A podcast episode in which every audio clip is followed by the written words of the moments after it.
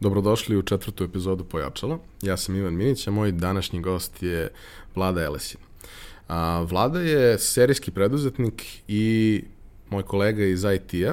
Zapravo Vlada je celu svoju karijeru proveo u IT-u, a u jednom trenutku je odlučio da se okuša i u preduzetničkim vodama, pa je malo sedao na dve stolice, eksperimentisao sa nekim, sa nekim ove, ovaj, zanimljivim projektima i danas smo tu da, da pričamo o njima.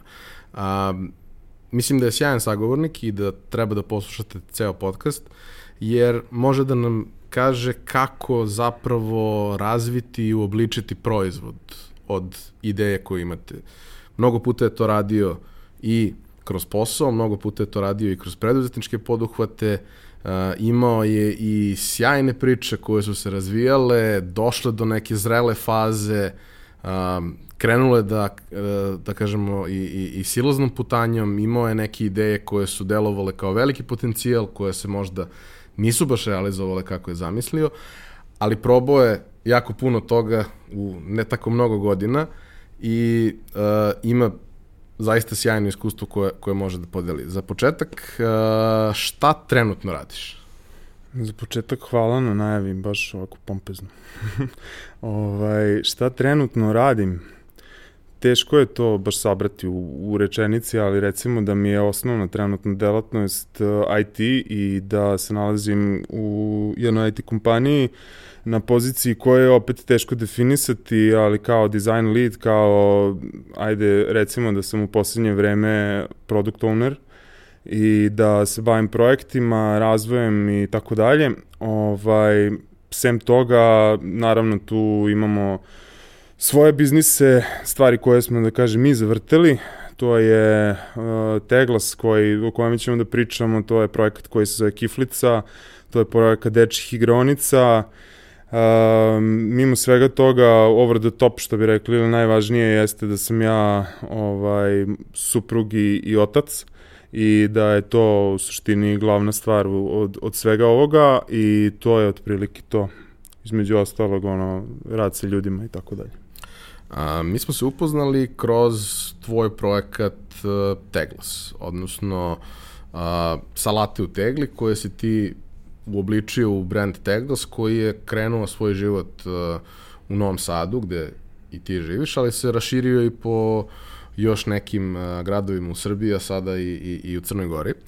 Um, ono što je meni posebno interesantno bilo kod Teglasa je taj moment da zapravo, uh, iako nije to nešto što kad prosečan Srbin razmišlja o brzoj hrani mu padne na pamet kao prva ideja. Proizvod uh, je bio jako uspešan, uh, jako brzo se zavrteo, brand je bio jako prepoznatljiv veoma brzo i uh, napravio je sjajan rezultat, postao održiv praktično odma i, i, i vrlo prepoznatljiv. Uh, kako je ošte došlo do toga da, da pokreneš nešto tako? Pa to je neki, ajde kažem, razvojni put preduzetnika, kako otprilike on izgleda, je to što svi mi u jednom momentu dobijemo neku suludu ideju, pa još neku suludu ideju i tako se suludu ideje nižu, ali osnovna razlika između ostatka na ideji i nečega da ti zaista uradiš po tom pitanju jeste taj, da nazove preduzetnički dug, da ti hoćeš malo da se pomeriš iz zone komfora, da pokušaš nešto drugačije i tako dalje.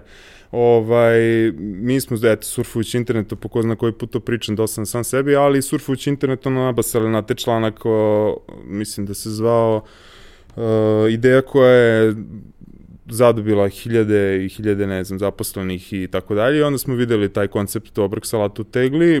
Nismo ni trebali da googlamo baš bog zna šta da bismo shvatili da to nešto ne postoji ovde i, i jednostavno ono kao došla ideja u fazonu, ajde probamo nešto da zavrtimo tu priču na neki ovaj nama svojstven način. Dosta je to sve u startu izgledalo i, i smešno i, i tužno i bilo je to svega jer prosto mi dolazimo iz nekih apsolutno drugačijih sfera interesovanja i posla. I ovaj, jednostavno ono kao ajde probamo, probamo nešto da odradimo, nešto drugačije i shvatili smo da bi trebalo da pratimo svoj instinkt, bukvalno da radimo stvari koje bismo žele da neko drugi radi nam. U smislu toga da, da napravim proizvod koji će biti potaman i, i ljudima koji će biti njegovi konzumenti, a ne da pokušam da, da se izrazim srbujem u smislu da ajde ja samo nešto zvrtim, ja tu nešto samo prodam izvaram nekog i gas.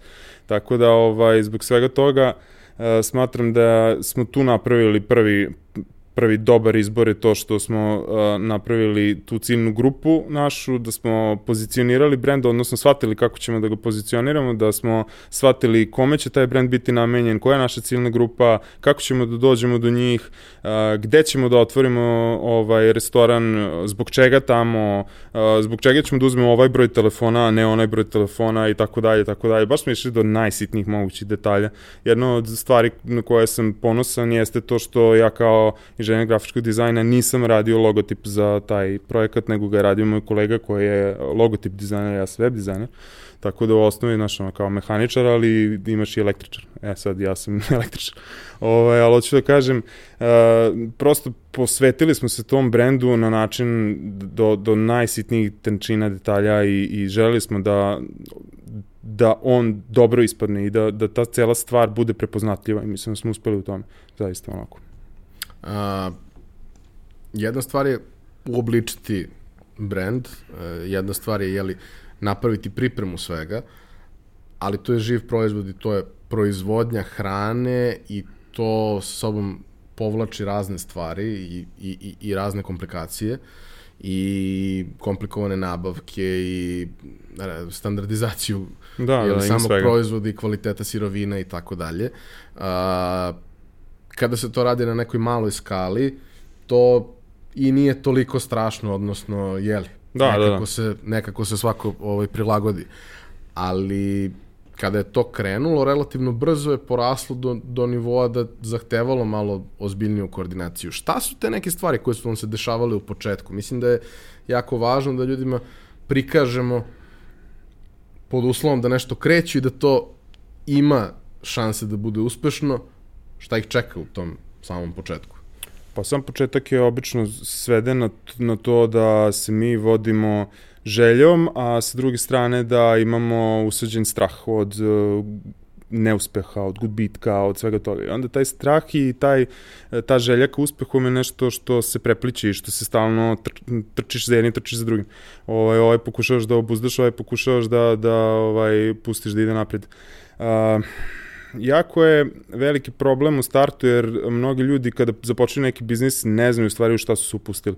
Ne znaju sve detalje tog biznisa, ne znaju na koji način da krenu, kome da se obrate.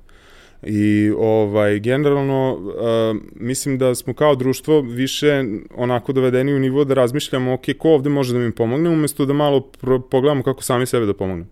Znaš, ima internet, pitaš Google i tako dalje, puno stvari on može da ti kaže. Uh, Ovaj, a, jako je bitno da sagledaš a, realnu sliku, da budeš realan sa čim ulaziš i šta ti stvari možeš da uradiš. Znaš, to, je, to je druga neka stvar za koju smatram da je ovde jako veliki problem prosto mentaliteta ljudi, jer da se mi zalećemo jako puno. Znaš, ono kao, ajde sad ću ja da razvim neki biznis od milion sa početnim ulaganjem od 100 eura i tako dalje. To ja ne, ne ide.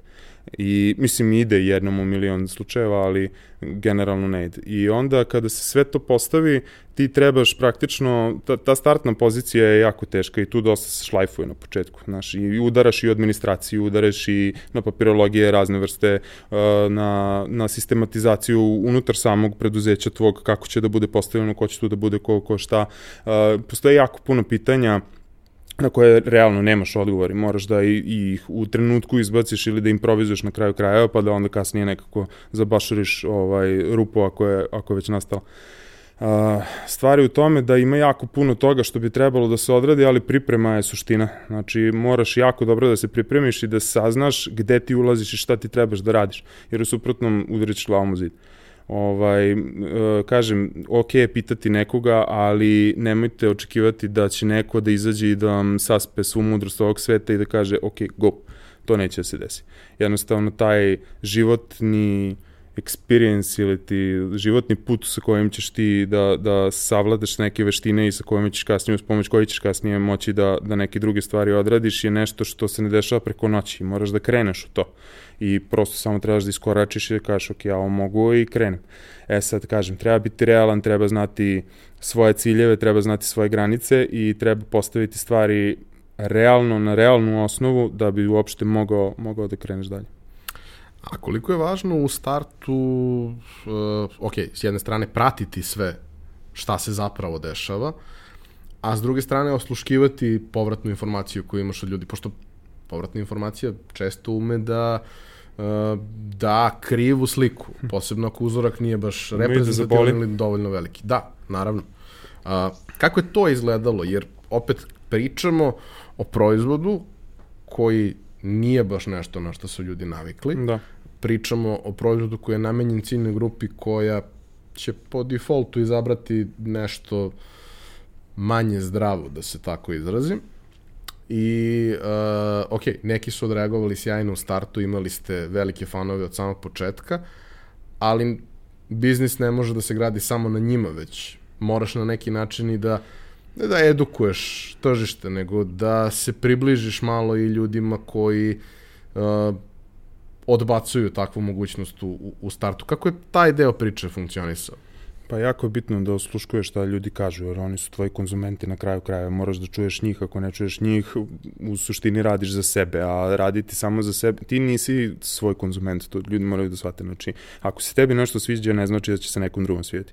Prosto, čak ni krug određenih prijatelja i ljudi različitih ukusa, viđenja i ovako i onako nije dovoljan uzora koji može da ti pokaže da li je to u stvari priča koja bi imala neku, neku širu sliku ili je to nešto što može da se samo zatvori u krug tvojih bližnjih i prijatelja. Znaš, mnogo često ljudi pribegavaju tome da pitaju, ok, u redu je početi od, od svojih bližnjih, naravno nećeš ići po ulici i vikati da li vam se sviđa ova ideja, ali, mislim, može i to, ali je suština priče da ti uvek pitaš prvo ljude do sebe, vidiš njihovu reakciju, onda krenćeš u analizu tržišta, u sve te druge stvari, ovaj, i to je jako bitno, ali sa druge strane što si pitao, uh, moraš se držati svog nekog koncepta koja je zacrta, ne možeš da osciliraš toliko da, da uh, tržište i određene individue koje daju svoj sud na konto njihovog ličnog stava uh, utiču na tvoj krajnji proizvod. Uh, možeš da oslušneš i da kažeš u redu, prihvatit ću nešto, nešto ću da odbacim. Uh, tržište je dosta, kako da se izrazim, uh, dosta striktno, u smislu ako se nešto nekome ne svidi, svi drugi ljudi će za to saznati. Ako se nekome nešto svidi, saznaće prvi do njega i to je to. To je ono što recimo možemo da vidimo na nivou, recimo donesi koma, kada uđeš unutra, jako malo imaš pozitivni komentara u restoranu, ostalo su negativni. I sad prosto čovek ima nagon da izrazi svoje nezadovoljstvo, samim tim što se nešto desilo sa tim određenim proizvodom, bez obzira da li smo i malo razmislili zbog čega je to tako i da li je zaista taj proizvod kao proizvod kriv. U smislu, aj sad da se nadovežem na ovu priču što sam rekao od Nesi komu. Često ljudi kritikuju restoran u odnosu na njihovu dostavu. Vrlo često dostava nema veze sa restoranom. Tako da, u principu, taj komentar je vezan za dostavu. To jeste generalna slika brenda i, i brend treba, odnosno restoran ili kako god, treba da se postara da, da reši taj problem, ali nismo uvek realni po pitanju a, naše konačnog suda. Vrlo impulsivno reagujemo kada nešto nije po našem. Znači, onda je ono odmah spreman sam na fajt, spreman sam sve najgore da kažem o tome i da svima to ispričam. A često je situacija mnogo drugačija. Često u samom preduzetništvu nisi u mogućnosti da sve potrebe da, prosto sagledaš i, i da na njih odreaguješ u određenom momentu zato što je nešto mimo tebe prošlo jer jednostavno nisi veliki brat koji može stalno da nadgleda i proizvodnju i ljude, mislim sve to živa stvar, to se prosto dešava tako. Tako da dosta smo, ja sam jednom izjavio to nekako svidelo mi se, dosta smo paušalni, znači, dosta imamo paušalan pogled na, na stvari oko sebe. Pa da, mislim, generalno postoji to neko pravilo kao da će ljudi uh, mnogo lakše izraziti negativnu reakciju nego pozitivnu. Pozitivnu reakciju će da izraze onog trenutka kada ih nešto oduševi, a da. nije baš lako oduševiti ljude. Jeste. A i naravno, ljude možeš da oduševiš jedno, a da, da ih razočaraš svaki put kad imaš kontakt. Da, da, da, da. da. A, jedan moment uh, koji ima veze sa svim ovim pričao sam više puta sa, sa, sa kolegom jednim koji je pokrenuo relativno sličan biznis i uh, on je imao problem da, da shvati uh, realnost uh, njegovog poslovanja. Odnosno, njegova ideja je bila da uh, njegovo lice prema korisnicima i njegov shop koji je prelep i sve funkcioniše super i sve je sjajno. Uh, a njegovo lice prema njegovim korisnicima je zapravo njegov dostavljač. I ako njegov dostavljač napravi problem, Tako je. napravio je nešto što ni jedan, makoliko bio lep, uh, shop, sajt, mail, pa i telefonski poziv verovatno ne može da ispravi. Upravo to, upravo to. Jednostavno, neke stvari su prepuštene nekim drugim ljudima unutar sistema koje funkcioniše i vi ne možete da budete i direktor i dostavljač i čovjek koji pravi salatu i čovjek koji je marketer i sve ostale stvari. Znači, jednostavno to ne funkcioniše tako. Moraš da prepustiš neke stvari da bi prosto tok mogao da se nastavi, da bi, da bi ne bi došlo do začepljenja. I ovaj, u tom procesu, kao što si sam spomenuo i dao dobar primer, postoje ljudi koji, na koje mi ne možemo da utičemo u tom momentu. Svako od nas je ono, individua za sebe i, i može da radi u tom momentu šta hoće ili kakvo mu je trenutno raspoloženje. Možda je taj čovjek bio isfrustriran, ne znam nija čima u toku tog dana i onda je to ispoljio na mušterini krivo ni dužnoj koja je sad opet s druge strane imala sve šta nešto lepo da kaže unutar komentara. Ali to je jednostavno proces koji prihvatiš i to jednostavno mora da funkcioniše tako. I naravno, trebaš da menjaš ukoliko ne funkcioniše, ali ne možeš sve ti. Jednostavno ne možeš. U kom trenutku si pomislio da cela priča sa, sa Teglasom ima smisla? Kada si dobio potvrdu tržišta? Da je to nešto što osim što je simpatična ideja i postoji određeni broj ljudi kojima se dopada, zaista može da se razvije u, u realan biznis. Pa realno na početku, kada smo zavrtili brand, prosto prvih, pr, prvi dan tako reći, ono, cela priča je krenula tako što sam ja radio sajt do nekih 11 uveče i kada sam ga plasirao na, na web, kon, konkretno plasirani na, na Facebook kao ovaj kanal komunikacije sa klijentima i tu smo krenuli celu priču i uh, kada smo pustili tu objavu web sajta i toga svega, prvih 50 ljudi koja je bilo upoznato, ono, kao prvi krug ljudi, ajde da kažem, koji su bili pozvani na, da zaprate stranicu, je šerovao taj sajt i tu je krenuo viral. Uh, viral je krenuo zato što je sajt bio drugačiji, zato što je priča bila drugačija, zato što je to bilo nešto novo, zato što to nije baš bilo viđeno. I onda smo u startu shvatili, e, čekaj, ovo je dobilo jako dobar feedback, odnosno jako dobar odgovor od, od društva koje je to zapratilo, trudim se da ne koristim engleski, engleski izraz, o, od društva koje je to zapratilo i prosto shvatili smo da je reakcija u startu jako dobra, krenuli su da stižu pozitivni komentari i pre nego što smo u stvari plasirali proizvod. Krenuli su da stižu komentari koji su bili na nivou ono, ej, super ideja, svaka čast, želimo vam puno sreće, uspeha u daljem radu i tako dalje. Ali suština je da smo odmah shvatili da je to neka dobra priča koju bi trebali da razvijamo dalje i odmah smo u startu pre nego što je to sve krenulo. Znači imali smo želju da to tako krene. Postavili smo stvari da bi to tako krenulo i to se i desilo. Znači, nije nastalo preko noći slučajno mi izbacili i to se slučajno desilo. Sve je bilo postavljeno tačno na vreme kada je trebalo, izbacili smo kada je trebalo, to se zavrtalo kada je trebalo, ostalo su odradili twitteraši, ali ovaj, generalno priča je odmah dobila proof of concept. A kada se desilo da dobijete prvu ponudu da prodate franšizu? Manje od godinu dana je prošlo kada smo prodali prvu franšizu. Prva franšiza je prodata tako što je uh, ovaj, jedan gospodin, sad već moj prijatelj, došao da nas intervjuiše. I u toku intervjua mi smo praktično okrenuli intervju na priču o franšizi, jer je to bila stvar koja nije bila još u Beogradu i to je dosta onako čudno zvučalo kad ljudima kažeš, pogotovo iz Beograda, kao, ej, postoji u Novom Sadu nešto što nema u Beogradu, pa kao, e, da, postoji, ali postojalo je. I onda smo prosto tu priču zavrtali i krenuo je Beograd, uh, Ovaj, sa time sam iz, izrazito se ponosim time, tom činjenicom što smo uspeli da pod A prodamo franšizu u Srbiji, pod B za manje od godinu dana od, od nastanka našeg, našeg brenda. I odmah smo brendirali proizvod i odmah smo shvatili da to treba da se dešava tim nekim redom, uh, i ovaj, ako sam branding u Srbiji, budemo realno, možete da okačite ono kao diplomu od prilike srednje škole, ali to je to, mi imamo registrovan brand koji smo patentirali gde je sad krenula ta priča franšizinga i svega ostalog i mislim da je to, da je to odrađeno kako treba.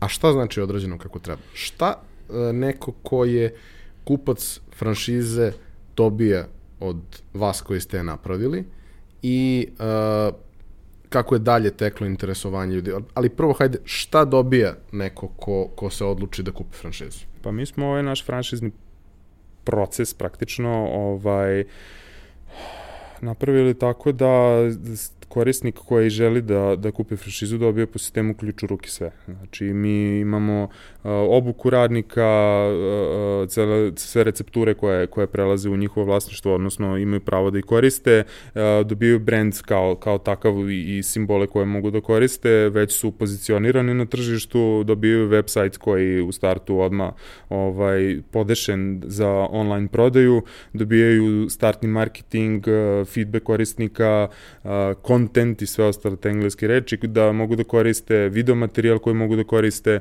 ovaj, jednostavno dobijaju neku startnu poziciju koja je u startu mnogo bolja nego da su krenuli kao NN. Bilo je mnogo pokušaja odmah da kažem i, i plagijata na, na nivou Srbije i na nivou Novog Sada. Znači, proizvode koje baš nisu prošle sjajno, jer tom proizvodu kao i svakom drugom trebaš da se posvetiš, moraš, moraš da radiš na njemu konstantno, a ne da bude kao neki drugi, treći, peti proizvod sa kojim ćeš da se malo zabavljaš. A dalja priča sa franšizama, Beograd je za uh, one koji su kupili licencu, odnosno franšizu, bio uh, prilično uspešan od starta. Tu se priča kasnije razvijala. Uh, još, pored Beograda, franšiza je prodata u Kragujevac, Kragujevac da. i sada u Crnu Goru. Šta se dešava sa, sa tim drugim gradovima? Um, pa Beograd, kao što si sam rekao, da, jeste imao dobru startnu poziciju i on jeste krenuo lepo, s tim što Beograd, to je, to je sad stvar procesa učenja um, kroz sistem rada unutar svoje firme. E, sad, taj deo je obično ono što naučiš na teži način, to što ti se obije o glavu, a nije ti neko drugi rekao. Ovaj, u našem slučaju i sama franšiza i sve druge stvari su morale da teku nekim tokom u smislu kao ajde mi pokušamo to da nekako napravimo, pokušamo to nekako da definišemo, izbacimo etar, ako se to nekom svidi, on će to da prihvati, ako neko ne, ne, ali je suština da mi nismo imali koga da pitamo. Sad, da se ti okreneš prema nekome, izvini, jesi ti prodao neka, neku franšizu, možeš malo da me objasniš kako to funkcioniš. Upraćao sam se ja, ne znam, profesorima na fakultetu ekonomije, ako se ne varam u Nišu, pa sam dobijao tipa kupite moju knjigu pa ne znam onda ćemo da pričamo i tako dalje. Ovaj tako da nemaš baš sad puno negde gde možeš da se edukuješ na na nivou franšizinga, da koga možeš da pitaš uopšte, znaš, sad da, da uđeš u McDonald's, dobar dan, dobar dan, dajte menadžera, ej, izvinite, kako ta vaša franšiza funkcioniše? Ne, je to baš tako. Tako da ovaj zbog svega toga bilo je bilo je dosta teško, ali razvili smo taj neki sistem dali smo im nešto što su oni prihvatili, očigledno, i dali smo, dali smo sve od sebe da možemo da predvidimo šta će da se desi. Konkretno u Beogradu imamo problem koji se zove saobraćaj, koji ne možeš da, znači teleport nam ne radi, pokvario se, ovo ostalo moramo peške i kolima i onda je to velik problem ti mostovi, to čuo sam, tako da jednostavno ne, ne možeš da stigneš od tačke A do tačke B, još kad naš predsednik ugosti nekog drugog predsednika, ode sve dođe. Ovaj, a ljudi kad ostanu gladni hoće da biju, znaš, i onda prosto ne, ako nećeš da doneseš kod njega neku stvar koja je ajde sad da kažem, knjiga ili nešto kad mu dostaviš, pa ako zakasniš sat vremena, bože moj, nećemo sad, jel, ali ako zakasniš sa hranom sat vremena, stvari se menjaju drastično.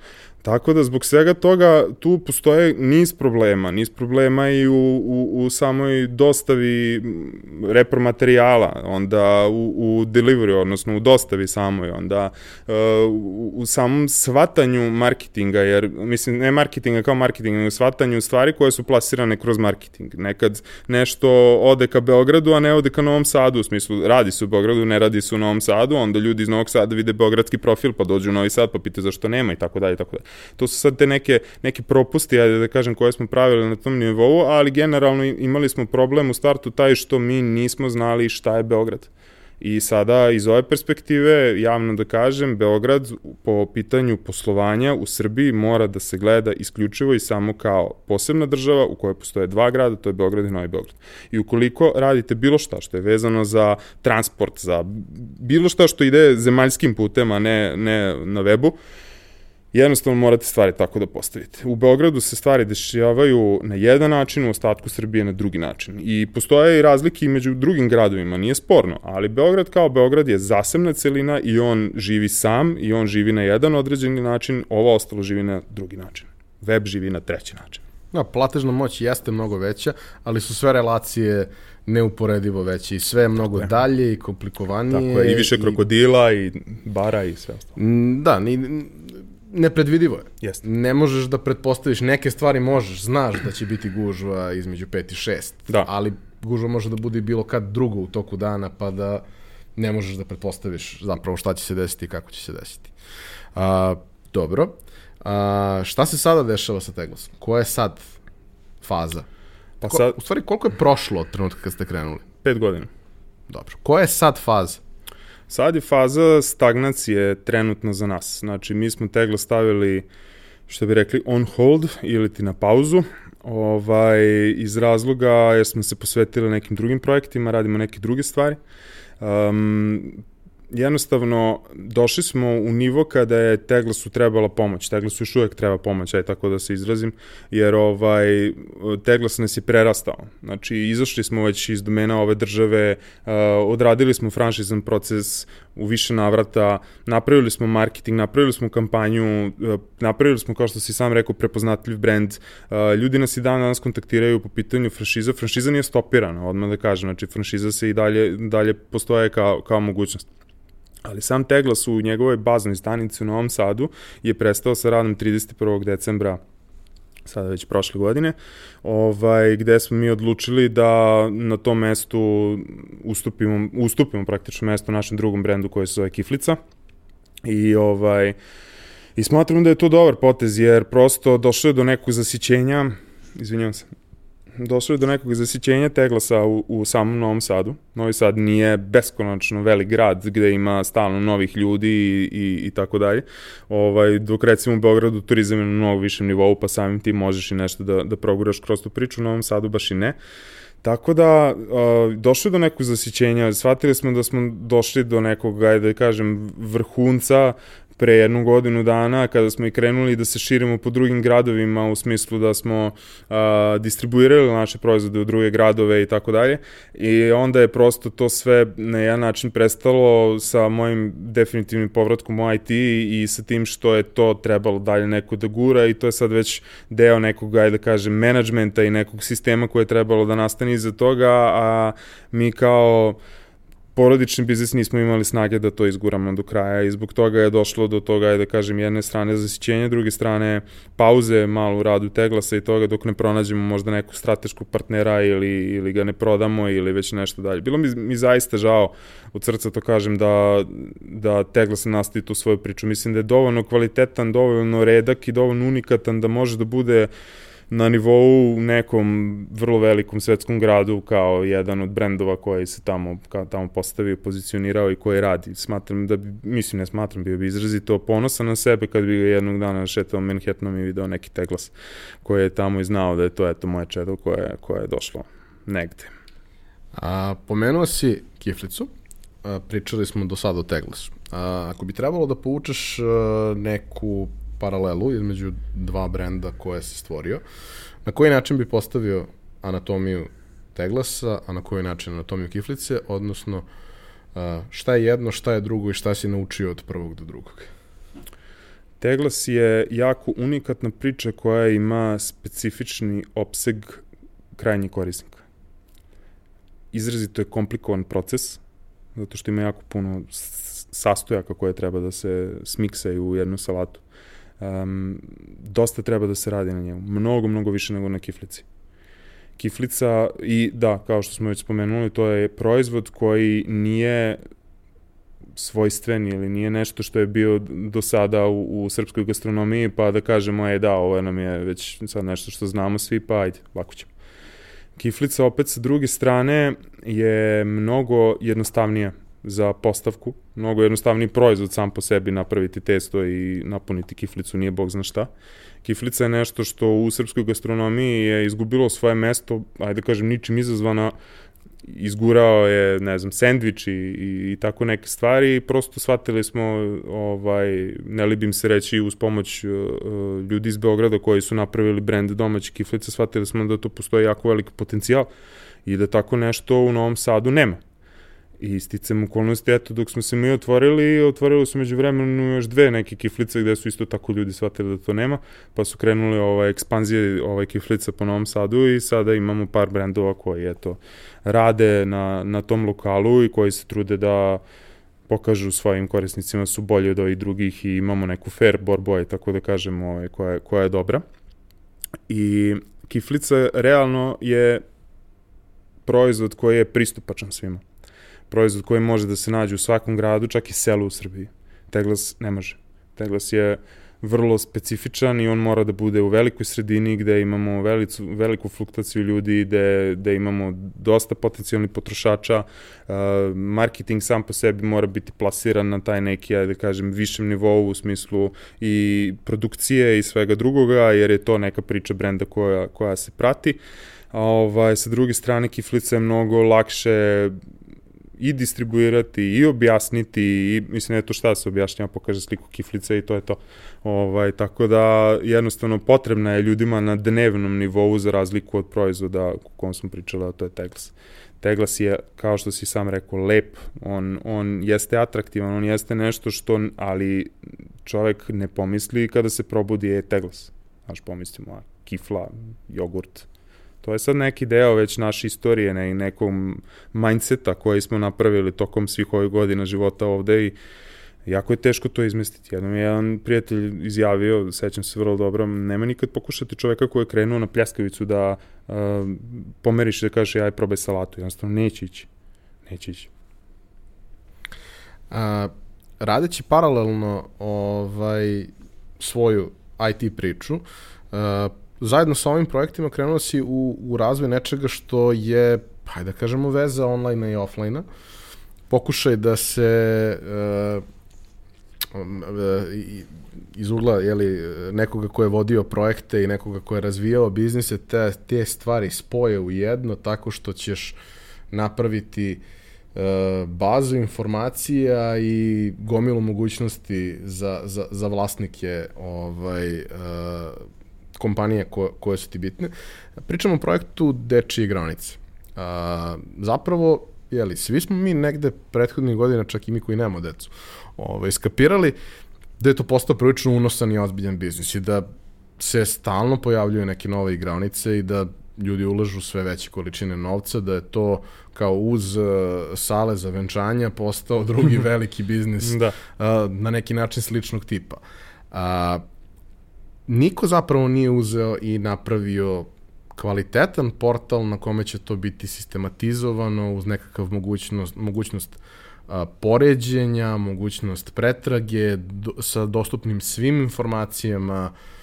Da, moglo si da nađeš pojedinačne sajtove ili da. stranice tih igraonica, moglo si da nađeš možda uh, to, jeli, grupe roditelja, pa međusobne preporuke, pa uh, jeli, diskusije na temu toga gde, kako slaviti rođendan i zašto baš tamo. Ali ono, mi gikovi koji volimo da uradimo research kako treba, nismo imali baš dovoljno materijala i taj materijal nije bio uporediv. Čime si se ti vodio i kako si zapravo odlučio da, da uobličiš taj proizvod koji se zove dečijigravnice.net? Pa ovako, ovaj, kod nas u porodici biznis modeli dobrim delom nastaju da bi rešili neki svoj lični problem.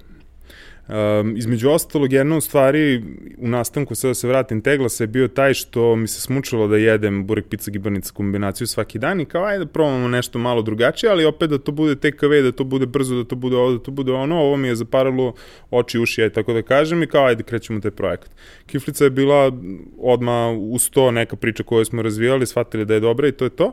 E sad, deči igronice, .net odmah da, da najavim, je ovaj portal koji je nastao bukvalno u toku jedne vožnje automobila gde smo u šestu igronicu koju smo ušli i pokušali da smestimo svoje dete na 45 minuta ili sat vremena da odradimo nešto jer nismo u mogućnosti da damo babi i dedi pošto ne živimo u istom gradu gde i oni. Ovaj, jednostavno shvatili da imamo problem nemamo gde da dobijemo informaciju, ne znam brojeve svih igronica, niti želim da ih znam. Uh, želim jednim klikom da vidim gde moje dete može da se ostavi na pola sata, gde mogu sa njim da provedem pola sata u igronici ili kako god, nije ni bitno. I onda sam shvatio da bi bilo jako lepo da postoji neki portal gde mi možemo da odemo i da proverimo kad je koja igronica slobodna, kad koja nije, možda da bukiram rođendan, možda da vidim prosto specifikaciju o njoj, što bi rekli hoteli amenities, ono šta ima, šta nema, šta je dozvoljeno, šta ne. Ovaj, čak je moja mašta otišla toliko daleko u smislu da, da sam uh, teo da napravim, to još uvek nije, nije nešto što postoji, ali planiramo da napravim jedan, jednu sekciju gde unutar profila, pošto svaka igronica ima svoj profil i možeš da, da ovaj, ga izučavaš, da unutar profila postoji dugme live video, gde ti možeš da klikneš i ako si već ostavio svoje dete, imaš šestocifreni kod koji se menja svaki dan i svako ko ostavi dete dobije taj kod. I ti možeš da pristupiš live kameri te igronice gde ti možeš da pogledaš da li tvoje dete plače ili bilo šta, pošto je ostavljeno tamo i jednostavno nije sad da ćeš ići po gradu i gledati svoje dete na, na mobilnom telefonu, nego možeš, kada osetiš taj neke, da kažem, crv sumnje ili pogotovo mame, ajde sad, ono, baš bi da vidim dete i tako to. Ovaj, čak, čak smo do, do tog nivoa išli. Jednostavno rešavali smo svoj problem. Pokušali smo da rešimo svoj problem. I onda sam shvatio da je tu stvari jako dobar biznis model, sam napravio istraživanje, shvatio da tako nešto ne postoji, postojala na nivou i dalje postoje na nivou direktorijuma, Ovaj, direktorijumi su ubili internet.com, znači to, to je definitivno što se tiče marketinga, što se tiče svega i sa tim bi počeo sa, sa problematikom ovog projekta, pošto pretpostavljam da je to isto jedno od pitanja. Ovaj, problematikom ovog projekta, um, problem u osnovi je što bi se u dizajnu reklo UI UX, znači um, user experience ili postavljamo stvari, projekat postavljamo da se svidi krajnjem korisniku, ali se nije svideo korisnicima koji su trebali da se pretplate na portal. Na portal. Znači, ja jesam to napravio iz stanovišta usera i kao takav je fenomenalan. I svako ko je došao na sajt je rekao ovo je super. Flow je jako dobar, vrlo je jednostavan za pretragu, zna se gde se šta nalazi, zna se tačno šta možeš da uradiš, ali korisnici koji su trebali da budu na samom sajtu, znači deči igronice, management ili kako god, jednostavno to nije prihvatio. Mi smo i dalje u nekom offline modu. Naš marketing, setup uopšte, ili kako, kako to već da definišem, uh, srpskog preduzetništva, u koru tog srpskog preduzetništva. Ja mislim da tu sad treba da dođe do, do možda, ne znam, koliko smena generacija da bismo mi shvatili, ej, čekaj malo, ajmo, ajmo više online, manje offline i tako to. Uh, I dalje smo mi vezani za preporuke i dalje, ako pričamo o ovom biznis modelu kao što su igronici, dalje smo vezani za preporuke u smislu, ej, ja sam tamo slavi rođendan, tamo je okej. Ili smo, uh, daćemo, ne znam, 20 eura nekoj devojci koja će da deli flajere na uzorku od milion ljudi, jedan će da se odazove. Ili, uh, ajde radimo e-mail kampanje, ono, ko još otvara e-mail, onda, uh, tako neke stvari. Jednostavno, ušli smo u taj demode režim koji je nekada radio i držimo se starih uh, ustanovljenih nekih sistema koji ćemo mi da uspemo da, da izgradimo nešto. I onda vrlo često uh, shvatimo u stvari da svi ti modeli rada koji su zasnovani na tom nekom starijem vidu marketinga u stvari izumiru sami po sebi. Jer ljudi misle da, ok, otvorio sam igronicu, sad ona će živeti sama po sebi, ljudi će ovde dolaziti po automatizmu, nemaju gde i tako dalje. Desit će se to s vremena na vreme, nije, nije sporno, ali osnova svega, kao i svako drugog poslovanja, treba ti marketing. I onda uh, smo mi krenuli u, ajde da kažem, agresivni napad na igronice, gde sam ja lično, pokušavajući da spoznam suštinu svesti ljudi koji imaju internet igronice, išao od igronice do igronice, pričao sa tim ljudima, nudio im taj proizvod, ja sam ga patentirao, znam ga u dušu, nudio im taj proizvod i dobio sam neverovatne komentare. I opet se desilo to da je Beograd jedna priča, Novi Sad je druga priča. Novi Sad je bitno da li ćeš, da li će drugi igronice moći da vide kada su nama rođendani, to je highlight pitanje, kod svih bukvalno, znači bez presedana, a u Beogradu je koji se na Google. Niko ne pita ovo prvo pitanje. Znači, to, to su to, to, totalno dve različite, različite priče.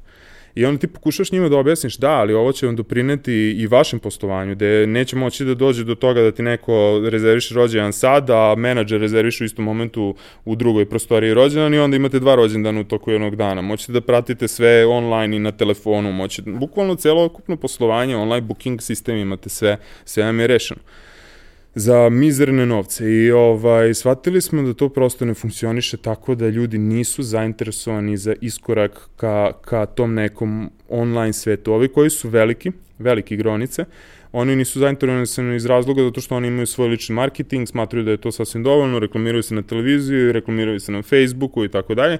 Ovaj, manje igronice imaju svoje Facebook profile, to je samo po sebi dovoljno, kad neko ukuca igronica, oni valjda iskoče prvi ili to neko verovanje u Srba, ali ovaj, svi prosto smatraju da je marketing nužno zlo i da ti kada daš 20 eura nekom malom, da ćeš ti onda biti prvi na Google. I to je nekako generalno mišljenje šireg auditorijuma, malo starijeg, malo mlađeg, ovako onako, koji baš nisu sad, da kažem, vični marketingu i razmišljanju na, na, na taj način. A posebno e, zanimljiv aspekt svega je to da zapravo, jeli, uh, ok, imaš dve strane kojima se obraćaš. S jedne strane, tvoji korisnici treba da budu zadovoljni informacijama koje imaju tu, sa druge strane, jeli, monetizacija ide od ljudi koji se oglašavaju, odnosno koji izlistavaju svoje igronice tu. Uh, rekao si neke probleme, ali recimo, uh, korisnik želi da ima sve informacije tu na jednom mestu. Ako nema velike igraonice tu, on nema možda najvažniju informaciju koja tako njemu je, treba. Tako je. Sa druge strane, velika igraonica se vodi time da dovoljno velika je, postoji razlog zašto je velika, tako je. nije joj to neophodno. Pomiriti te stvari je jako teško naći nekakav modalitet da se to premosti je jako teško, a moraš da ideš sa, sa da kažemo, ponudom koja je jednaka i fair prema svima. Ne možeš da ideš baš sa, sa pričom, ok, pa onda ću ja da izlistam ove velike besplatno, pa ću da juri male, pa šta mi Bog da, jer to tako ne funkcioniše. Tako. Tako je. Ovaj, šta više, mi smo počeli da, odnosno otvorili portal i napravili sistem, evo, svima za džabe. Nije problem. Aj samo koristite ljudi. Evo dajem vam sve. Znači mi smo vam napravili profile. Imali smo zaposlenu osobu koja je radila na tome i pravila profile za te igronice. Oni čak ni to nisu radili. Damo ti profil, objasnimo ti kako se napravili smo video tutoriale unutar CMS-a gde oni mogu da uđu da pogledaju kako CMS funkcioniše. Znači sve smo im sažvakali, bukvalno samo klikni ovde i, i klikni accept. Čak i to ti stigne na mail, bukvalno otvaraš taj link i klikneš accept, no, maybe, šta god već, šta smo tamo napravili. Ni to nisu koristili. N eć. Jednostavno ne možeš da nateraš nekoga, mislim da je to, da, to, to često koristim kao citat jednog pametnog čoveka, ne znam tačno ko je, mislilac, ne možeš da razuveriš ljude u nešto u šta veruju bez razloga. I to je suština priče. Znači, on veruje da to njemu ne treba i ti njega ne možeš da razuveriš u toga. Jer jednostavno on to veruje. A isto tako, i ako veruje da mu treba, ne možeš da ga razuveriš da mu ne treba, jer on prosto veruje da mu treba. I to je suština problema ovde, da jednostavno nismo mogli da idemo dalje, jer mora da dođe do jedne evolucije unutar društva, da shvatimo koliko je marketing bitan, da shvatimo da marketing ne dolazi sam po sebi, da shvatimo da se na njemu mora raditi, u njega se mora investirati. Moramo da napravimo odstupnicu. Marketing nije od danas do sutra. Mislim, postoje naravno i opcije koje jesu. Ali je suština da ti plaćaš nešto što će ti dobro doneti kasnije ajde da napravimo poređenje, sadiš orah pa će onda nikne za 50 godina, pa ćeš tek onda imati orah od njega, a neće imati u startu. Ali je to dugoročni proces gde ti moraš da, da budeš svestan, da ti moraš da gledaš malo dalje. Ne samo šta će se desiti od danas do sutra, a bojim se da smo pretežno svedeni na danas do sutra. A šta misliš, koliko ti je značilo uh, pristup koji koji imaš samim tim što dolaziš iz IT-a i, i, i, i iskustvo koje imaš u svemu tome, koliko ti je značilo uh, prilikom oblikovanja svega toga? Uh, šta su neke, da kažemo, karakteristike tog pristupa? Um, pa, mislim, značilo mi je to što dolazim iz IT-a i značilo mi je to što imam, da kažem, neku marketinšku pozadinu, poleđinu ili kako god, ovaj, jer bez toga bi bio veliki problem ili bi morao to da platim, znači da angažujem ljude koji to znaju ili da radim po sistemu, ja mislim da je to ovako dobro. I na kraju krajeva dosta često se svedemo mi na sistem, ja mislim da će ovo biti dobro, pa ajde da probamo. Ne, ne možemo tačno baš da znamo kako, kako sve funkcioniše, ali, ali taj deo IT-a je bitan iz raznih aspekata. Mislim, bitan je i zbog postavke uh, ajde da se market, ovaj IT-evski izražavam, ono, user flow-a, kako će to da funkcioniše na samom webu, bitan je sa marketinške strane, koga, pozici, koga targetiramo, gde se pozicioniramo i na koji način, bitno je da to sve vizualno lepo, lepo deluje, da ljudi znaju gde su došli, kad su došli, zašto su došli i tu je bilo faze razvoja kod, kod mene, kao, kao individue, kao dizajnera, kao nekog IT-evca. Ovaj, dok ja, naš, sa dizajnerima je baš problematično, zato što mi imamo određeni opseg viđenja i kao, ja mislim da je ovo dobro i onda kad ti meni dođeš i kažeš, e, vidi, prikaj malo ovo levo 5 piksela, onda, znaš, hoću da se svađam. Ovaj, I onda često se dešava to da ti napraviš nešto što jako lepo izgleda, ali nije baš user friendly. I onda smo imali par nekih variacija sajtova i svega toga dok nismo shvatili u stvari šta treba da se targetira i šta mi treba da napravimo. Znaš, malo smo se igrali sa time. Ali definitivno da je IT ovaj, uslovio i, i tu startnu poziciju, da ne pričam sa, sa materijalne strane, a, isto tako uslovio je i to da plivamo lakše kroz to neko ludilo weba, ako ništa drugo, a offline-a, kako nam se kaže. A donosi i neku analitičnost, odnosno donosi pristup koji nije zakucan u kamenu, jer Tako je. kroz posao koji radiš vrlo često rešavaš probleme, vrlo često reaguješ na povratnu informaciju koju dobijaš i vrlo često menjaš svoje mišljenje i upravo ono što si malo pre rekao, a, razvijaš svoju svest o nečemu. Krenuo si od nečega, krenuo si sa najboljom namerom, a, tadašnji ti misli da je to nešto zaista sjajno, ali ti dve godine kasnije, sa iskustvom koje si stekao u te dve godine kasnije, znaš mnogo bolje. Da. Sistematičnost je reč koja se traži, u suštini. Jer moraš da postaviš stvari kako treba.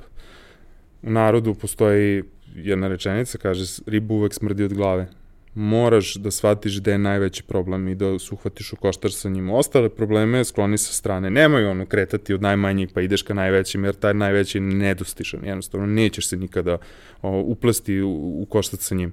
Um, često ljudi ovde pribegavaju tom nekom, ajde da kažem, ajde da, da stavimo stvari pod tepih znaš, malo da to sklonimo, ili neko drugi će to da odradi za nas, ili ajde zaposliću ja neko da reši ovaj problem, pa idemo dalje. Uh, često to ne bude tako. I onda ta sistematičnost u radu, postavci stvari prioriteta, rešavanja problema, e, postavke novih prioriteta i svega ostalog je, da, nešto što se vuče iz IT-a, ne nužno, ali jeste jako bitno. Jeste to da ti moraš tačno da budeš svestan u kojem si ti trenutno fazi tog nekog svog životnog puta, preduzetničkog ili bilo čega drugog, da bi ti u stvari shvatio, aha, ja se krećem ka vamo, trenutno sam u toj i toj tačci kažem, nije nužno to biti IT-evac, nije nužno to, ali moraš da, da, da imaš neku sistematizaciju, neke vrednosti kojima težiš, gde ćeš ti da stigneš, gde se trenutno nalaziš, gde skrenu, što se kaže. Nije nužno da si IT-evac, ali nije loša si inženjer. Nije loš, nije loš da si inženjer, da, da. A, sada, iz ove perspektive, rekao si da si nakon, jeli, pet godina puta, se malo vratio na ono gde si bio da si malo promenio prioritete u životu. A, šta ti je sad glavni prioritet i šta ti je plan za dalje? Odnosno, da li je ovo samo period u kome hoćeš da se malo odmoriš od svega, malo više posvetiš porodici, pa da kreneš ponovo sa nečim, nečim novim? Uh, ili misliš da je ovaj eksperiment bio sasvim ok i da treba sad malo duže vremena provesti u nekom mirnijem uh, mirnijem, da kažem, okruženju. Iskreno, nismo mi ni stali sad, pa kao stagniramo, evo, sad smo mirni, ne radimo ništa, otvara se druga kiflica, otvorit će se za 15 dana na lokalitetu gde je bio Teglas, krećemo da razvijamo tu priču na mnogom većem nivou, mimo svega toga imam pa da ne preterujem sad u glavi pet fenomenalnih ideja šta, šta ću sve da odradim jednog dana kada stignem. Uh, Ovaj, moj prioritet sada jeste IT, moj prioritet jeste da tu doživim neki vrhunac te karijere koju sam zamislio, jer realno ovaj, čak i Jack Ma jednom dao hronologiju da u određenim godinama, odnosno određenoj dekadi radiš određene stvari. To, to, to može da se nađe na internetu ko nije gledao, ali svakako ovaj, ja sam sad u nekoj dekadi gde bi trebalo da dam svoj pun potencijal. Znači sad je gazdu daske i sad radiš ono što znaš i u suštini to je IT, to je to nešto što je bila osnovna pokretačka moja snaga. Ovaj, a što se tiče porodice i svega, naravno da mi u interesu da imam što više vremena za porodicu, a što manje da se posvećujem poslu i nekim stvarima. I to je sad kod svih nas usađeno. E, ja bih volao da radim 4 sata dnevno i da posle toga sa porodicom na, ne znam, Bahamima ispod neke palme.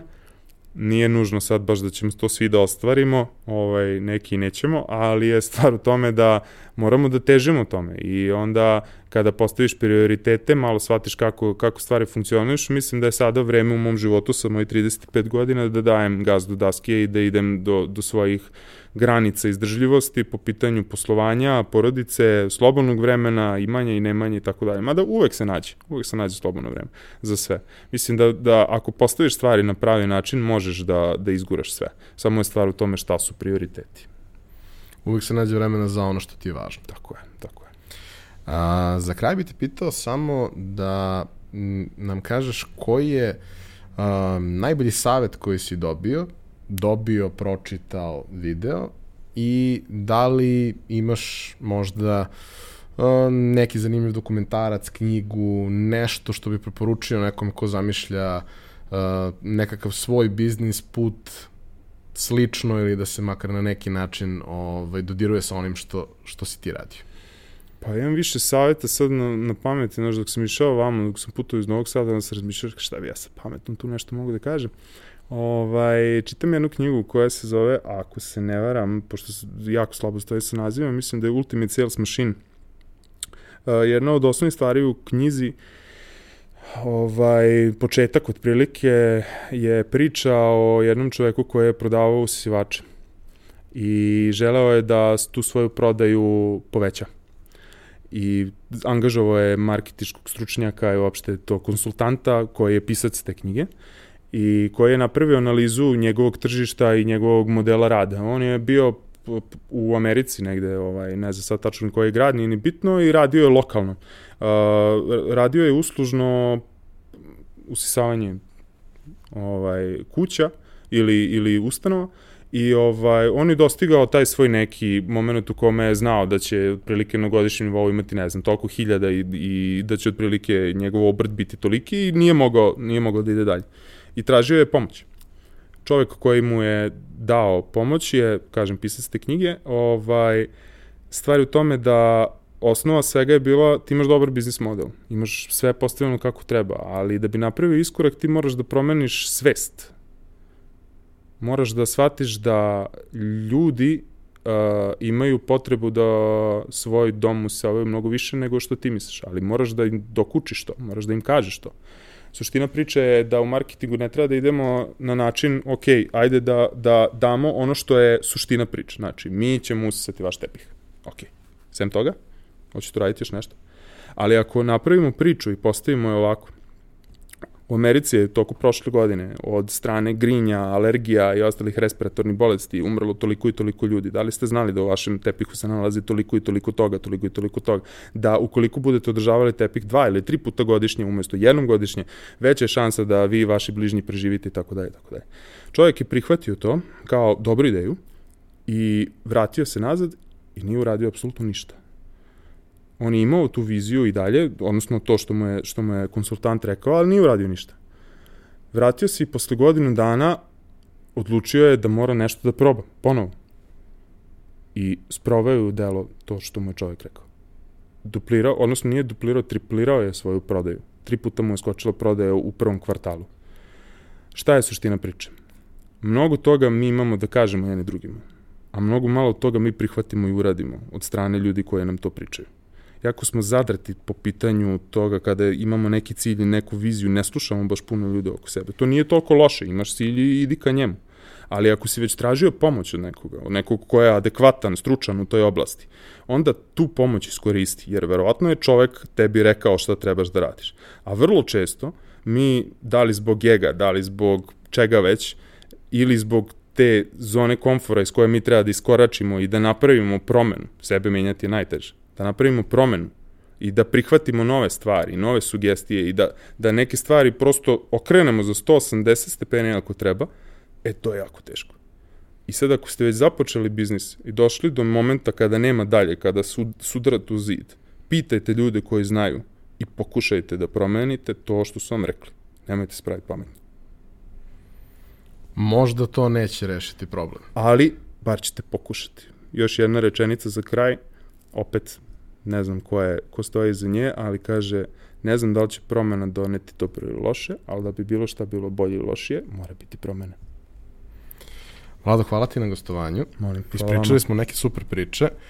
A, dragi slušalci i gledalci, a, hvala i vama na pažnji i kao i do sada iskoristite mogućnost da nam u komentarima i porukama pošaljete vaše utiske, preporuke za nove teme i nove goste i vidimo se sledeće srede.